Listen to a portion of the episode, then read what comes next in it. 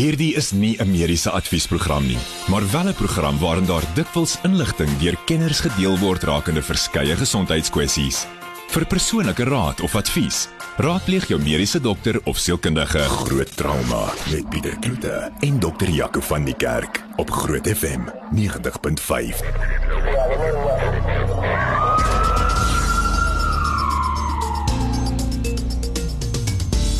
Baie welkom by Frans se Groot Drama. Ek is Pieter Kloete saam met Dr. Jaco van die Kerk. Ehm um, hy sit lekker rustig daar in sy huis saam met Esmeralda en Sissel. Uh maar hopelik is ons volgende week dan net af van die vlak 4 inperkings. Is Jaco as jy weer terug hier na lees soos altyd. Ja, Pieter, goeienaand, goeienaand almal wat luister. Ek ehm um, ek hoop ons is volgende week terug hierdie oor die oor die rekenaar praat en vir mekaar so ver af kyk is nie vir my so lekker nie. Nee, verseker nie. Maar ehm um, kan ons maak. Ja, ek kom begin sommer by stories en ek weet ons kan ongelukkig nou nie uh, ek wou net vir jou gesê, hoorie, kom ons praat 'n bietjie oor iets anders as COVID, maar ons kan ongelukkig nie dit doen nie. Ehm um, ek wil net so 'n bietjie praat oor die nuwe syfers wat inkom. Dit lyk vir my ons was nou oor die naweek dink die hoogste op 26000. Toe gaan dit af na omtrent so 15 16000 toe en dit lyk net dat weer bietjie opgespring na so 21000 toe.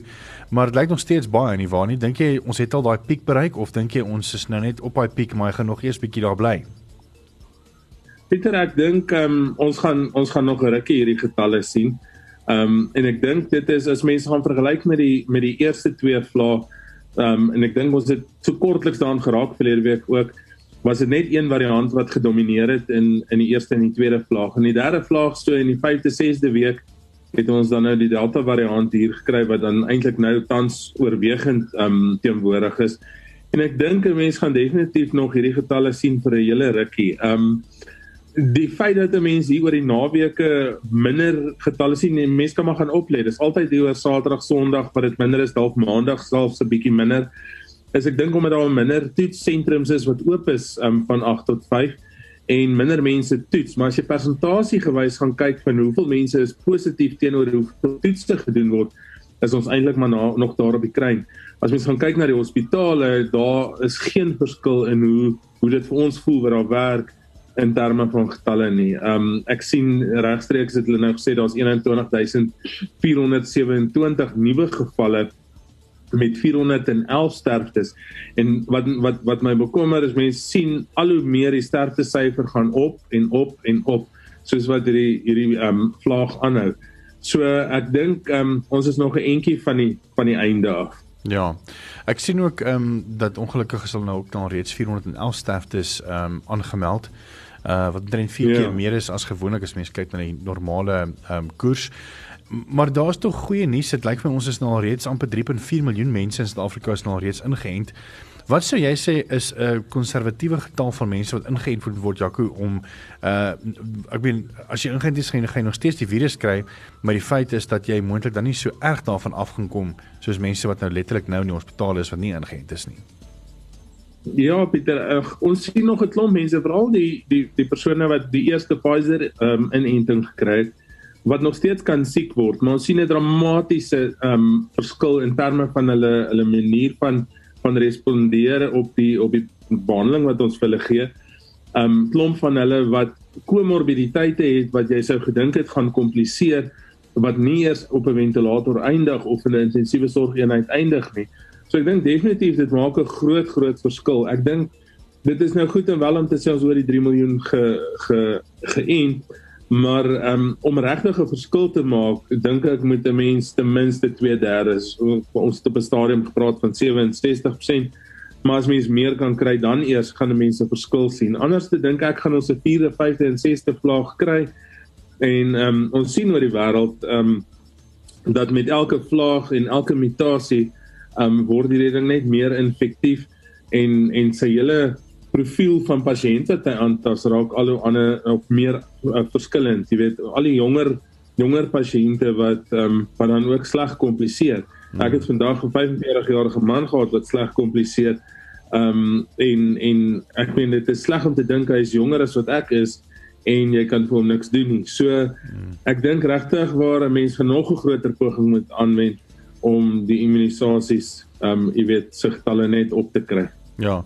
So uh, eintlik is ons na regte nie eers 10% waar ons moet wees nie want ek meen as jy sê 2/3 dan reken ek omtrent ten minste so tussen 40 en 45 miljoen mense wat moet ingeënt word nog, jy weet. Ehm um, definitief, definitief.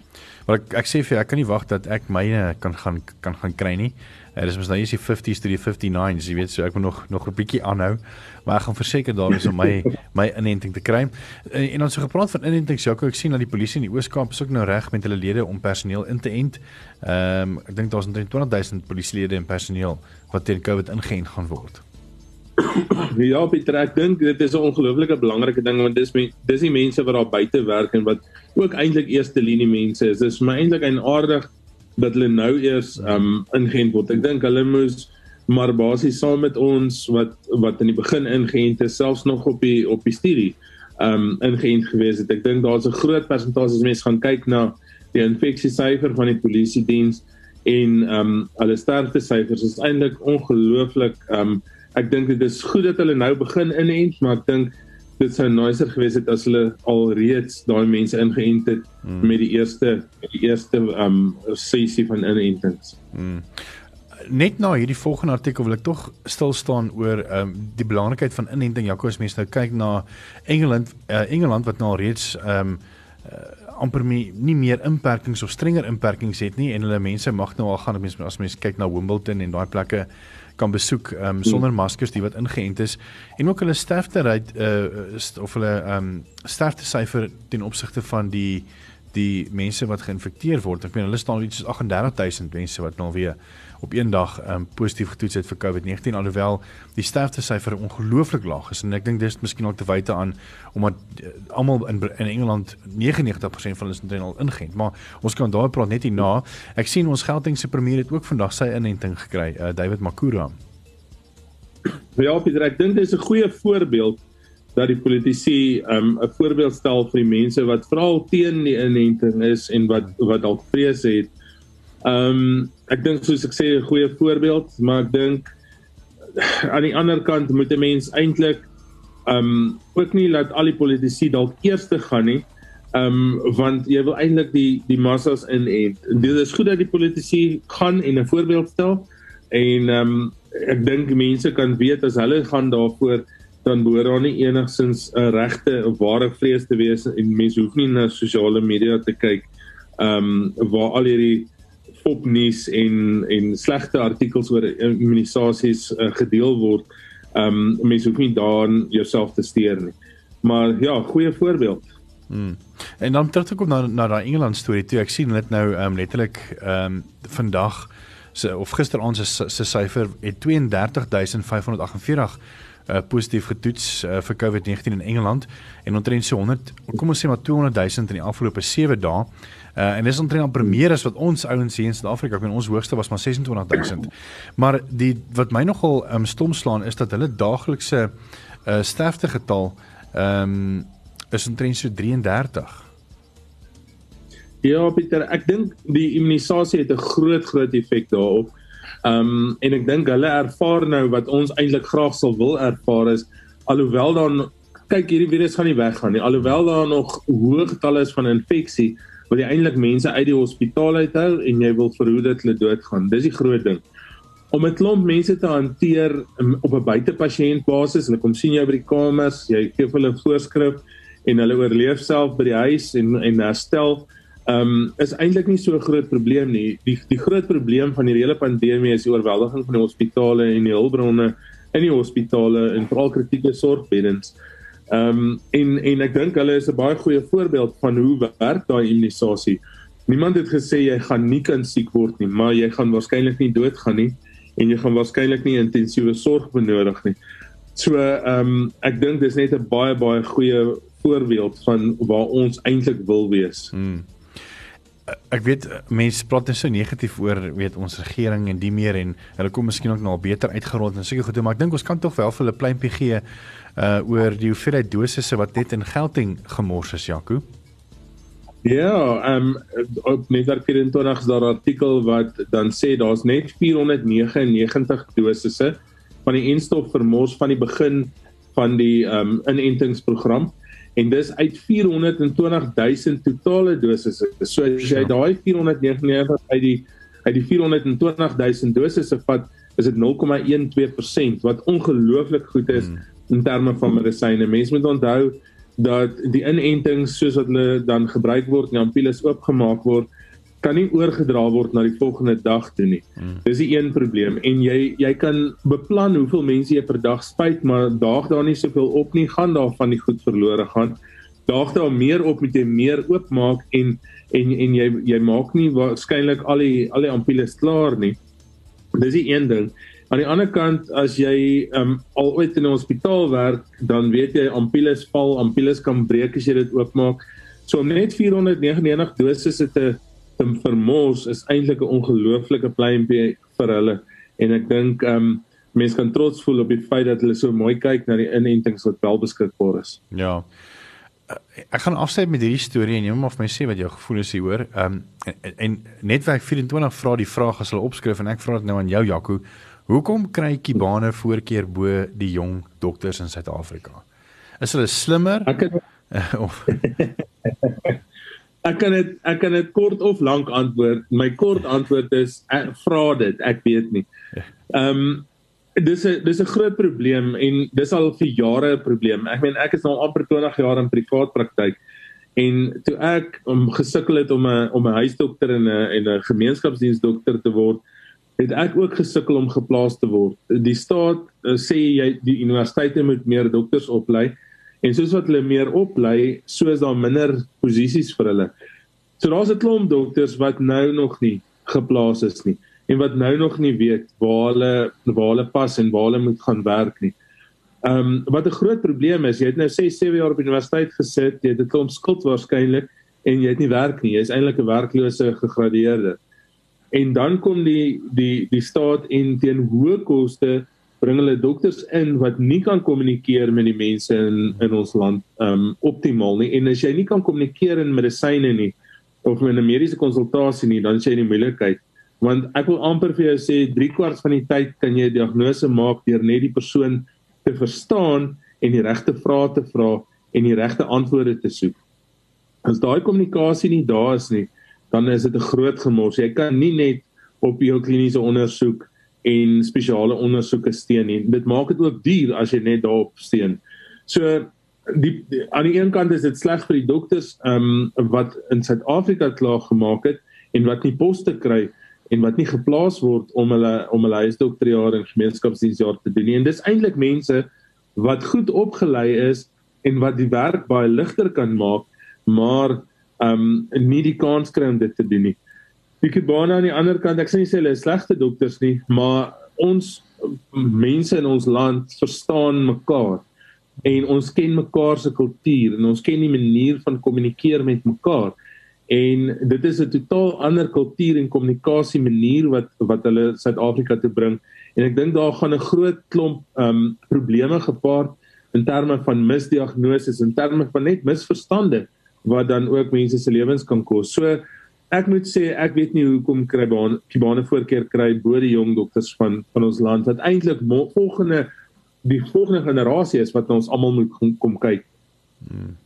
So, so praat jy dokter ook van die kerk ons is net hier na terug bly geskakel onthou ek um, ons wil graag by jou weet as jy enige vrae het dis vra vir Janko se einde van die program laat weer 'n bietjie vir ons by 061 610 4576 en onthou standaard tariewe geld En as vra vir Jaco net hoef dit kan enige vraag wees, dit hoef nie eers 'n vraag te wees op uh, wat handel oor ons onderwerp nie. 061 6104576 onthou standaard tariewe geld. Groot trauma op Groot FM 90.5. Lekker geskakel ons selfs 'n bietjie later in die program met Lise Botma begrafnisdienste en ons het 'n paar vrae oor, jy weet, oor selfs begrafnisondernemings en wat se druk hulle is tans met die COVID-19 uh, eh, derde vlaag. Ja, Jaco net gefvinnig, um, ek wou net daarby stil gestaan het vroeër maar toe die tyd uitgehardloop. Ek weet ons het nou al die die die beta variant gehad en dan was ek nou al die delta variant, maar daar's nou 'n nuwe variant wat hulle noem lambda. Wat beteken dit uh, en hoekom is dit heeltemal anders as wat die normale ABCD tipe van uh, benaming en benoeming is van variante? Ek dink daar's daar's 'n dinge medisyne wat uh, is is enige iets maklik gemaak kan word sonder medisyne dit moeilik maak. Ehm um, daar was 'n alfa variant wat oorspronklik in Brittanje begin het. Die beta variant is wat ons in Suid-Afrika ehm um, geken het met die eerste en tweede vlaag. Daar's die gamma variant wat in Brasilië is, die delta variant in Indië en nou die lambda variant in Peru. Nou, dis net 'n maklike manier die alfa, beta, gamma, delta um, om die name daarvoor te gee vir die spesifieke mutasies of verskillende um strains van hierdie virus. Die werklike wetenskaplike um, name is die V501.1 en die V502.2 en dis dis eintlik net 'n punt op die genetiese materiaal van hierdie virus wat dan 'n mutasie ondergaan het. Maar om dit makliker te maak vir die meeste mense wat nie al hierdie genetika ehm um, uh, kennis agtergrond het en ook die die bou van die virus ken nie, ehm um, hulle dit dan nou maar met die die ehm um, alfa beta gamma delta alfabet ehm um, uh, benoem en dis net 'n maklike manier as mense daaroor praat dat jy van dieselfde mutasie praat en dat jy nie dalk 'n erns 'n punt of 'n 0 of 'n 1 of 'n 5 verkeerd sê nie. Ek sien nog daar's nog 'n baie oulike diagram wat die wêreld um, gesondheidsorganisasie opgestel het wat hulle dan juist soos jy nou noem uh, dit baie makliker maak so byvoorbeeld die ETA wat eintlik maar die E variant is B1 of B.1.525 en dan die iota ja. wat letterlik net 1 uh, punt uh, meer is byvoorbeeld B.1.5.26 jy weet so en dit is twee verskillende Ja as jy daai van, van daai praat dan um, as jy so praat dan gaan niemand jou verstaan nie en dit gaan geen sin hê nie ja maar ehm um, basies kom dit daarop neer die mutasies is gewoonlik daar wat dit meer aansteeklik maak en wat ehm um, waarskynlik die oordrag en die die die graad van siekte wat verander as gevolg van die mutasies vir die virus om net te oorleef. Alraight. Net hier nog sals 'n bietjie dan met Lise uh, Botma en uh, bly geskakel daarvoor, maar nou eers Jaco se mediese mite minuut.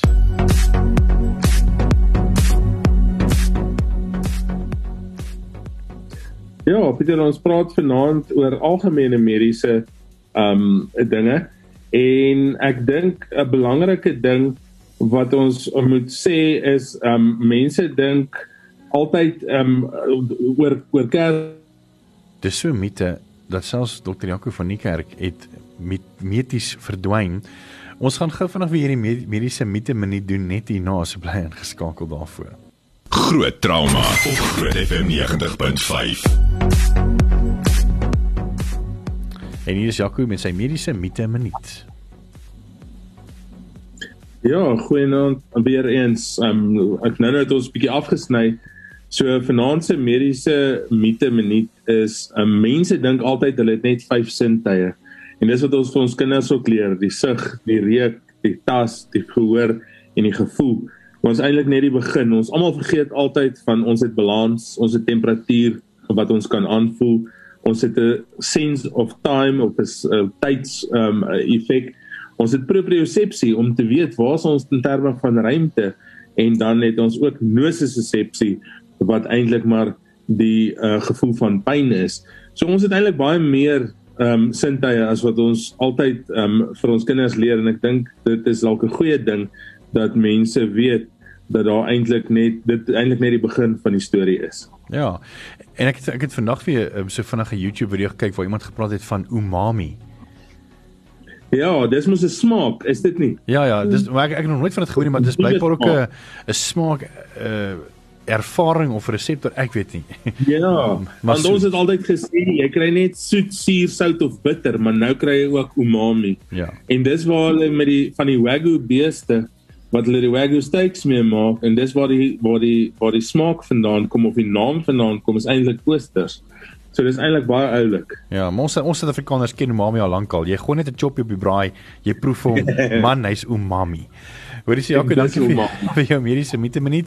Ons is net hier na weer terug en onthou daai vrae vir Jaco, ehm um, wat so aan die einde van die program gaan wees 061 610 4576 en onthou standaard tariewe geld en net hier na gesels het dan met Lise Botma begrafnisdienste en ook hoe hulle die hele derde vlaag hanteer en hervaar se bly geskakel daarvoor. Groot trauma met Pieter Kloete en dokter Jaco van die Kerk op Groot FM 90.5.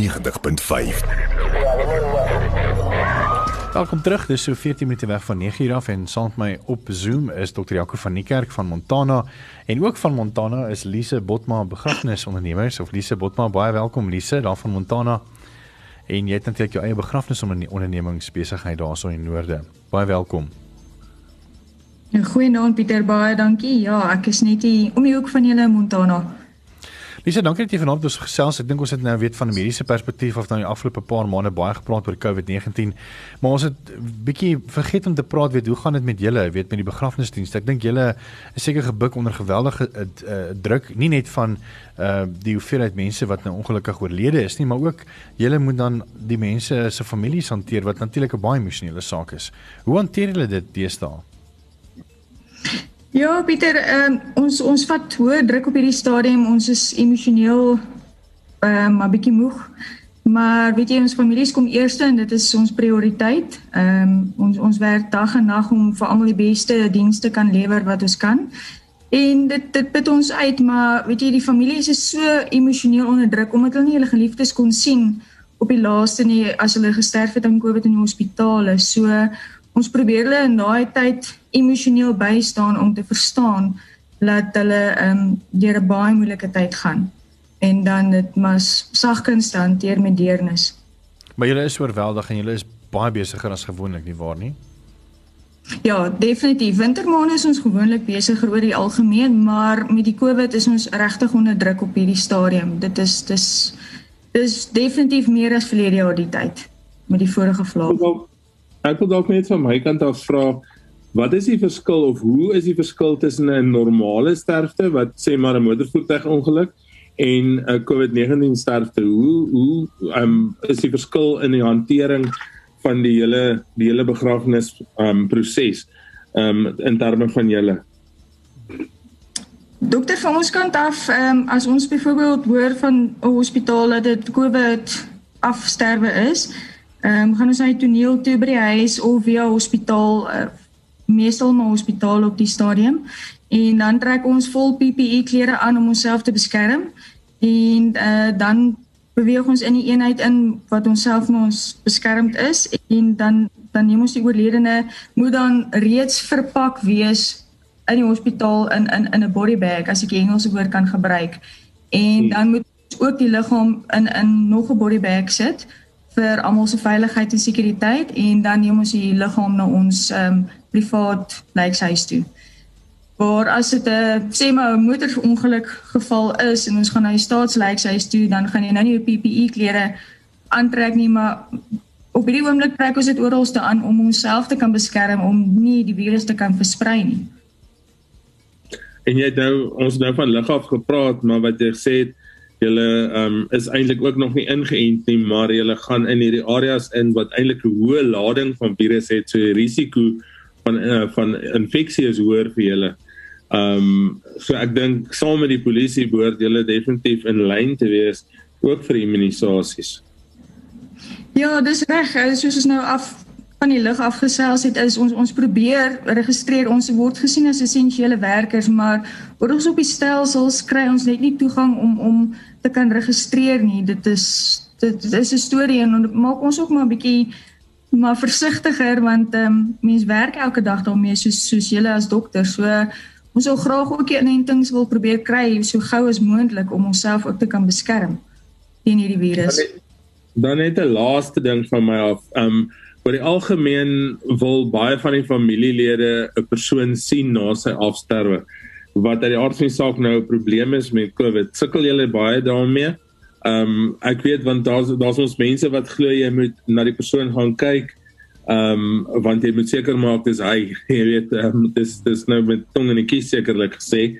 Maar sukkel julle met so iets want dit is eintlik dan nou nie moontlik ehm um, as mens die persoon so verseël het nie. Ja, definitief. Dit is vir ons 'n probleem met die feit dat hulle in die body bags is en ons mag nie oopmaak nie en en die families kan nie afskeid neem nie. Hulle kan nie closure kry om 'n finale groet te doen soos in die normale omstandighede nie. Ons ons moet 'n nuwe normaal aanleer wat bitterlik moeilik is op hierdie stadium want dis emosioneel vir die families. So ons probeer dit vir die families as ons die liggaam kry in die hospitaal, ehm um, soos vandag wat gebeur het is word die liggaam gebag en geplakkers opgesit en en en wat ek nou persoonlik doen is ek dis doen elke verwydering myself. So voor die liggaam in die sak sit, sien ons die oorledene se gesig. En dan as die familie vir ons die foto's of die ID boekie gee, kan ons dit vergelyk en dan daai manier vir die familie probeer net berusting bring om seker vir hulle te sê dit is definitief hulle hulle oorledene wat wat wat ons geneem het. Ons het die regte persoon saam met ons gevat. So, maar dit is 'n moeilike, dit is 'n regtige probleem want van die body bags is geseël wat jy nie kan sien nie. So as ons by die hospitaal kom en voor hulle toemaak en ons kan sien dan maak dit vir ons 'n bietjie net makliker. En net so laaste vraag van my kant af, ehm um, Lise, sou julle sê dat eh, as as julle moet voorstel maak vir die families, um, kom ons sê dit was 'n COVID-19 pasiënt, is dit beter om dan eerder dan te begin of ter aande te te bestel of dan eerder uh weet te, begrawe te word of dan eerder te veras te word? Uh wat se proses is eintlik die maklikste op hierdie stadium? Pieter, op die stadium is albei ewe moeilik, as ek dit so kan stel, want die krematoriums is ongelooflik ehm um, oorvloed en die begrafplaase. So either way gaan gaan jy 'n lang ruk wag. Ehm um, dit gaan maar oor jou persoonlike keuse op die einde van die dag as mens. As as dit jou keuse is om te veras, is uh, gaan jy verrassingsroete en as jy wil ter aardebestelling doen, kan die families dit doen. Maar ehm um, my persoonlike keuse is maar veras. Lisa Venus, dankie vir jou tyd vanaand en uh, vir 'n bietjie van 'n insig om te sien weet ook agter die skerms wat by julle gebeur. Ehm um, dit ons gesels met Lise Botma, begrafnisondernemers en is daarso in Montana. So dankie ook vir jou tyd vanaand. Dankie Pieter, veilig wees. Jaco, dis nou tyd vir jou vraag vir Jaco. Dat ek net gou vinnig hier die klingel aan my kant speel, Jaco. Hierdie is nie 'n mediese adviesprogram nie, maar wel 'n program waarin daar dikwels inligting deur kenners gedeel word rakende verskeie gesondheidskwessies.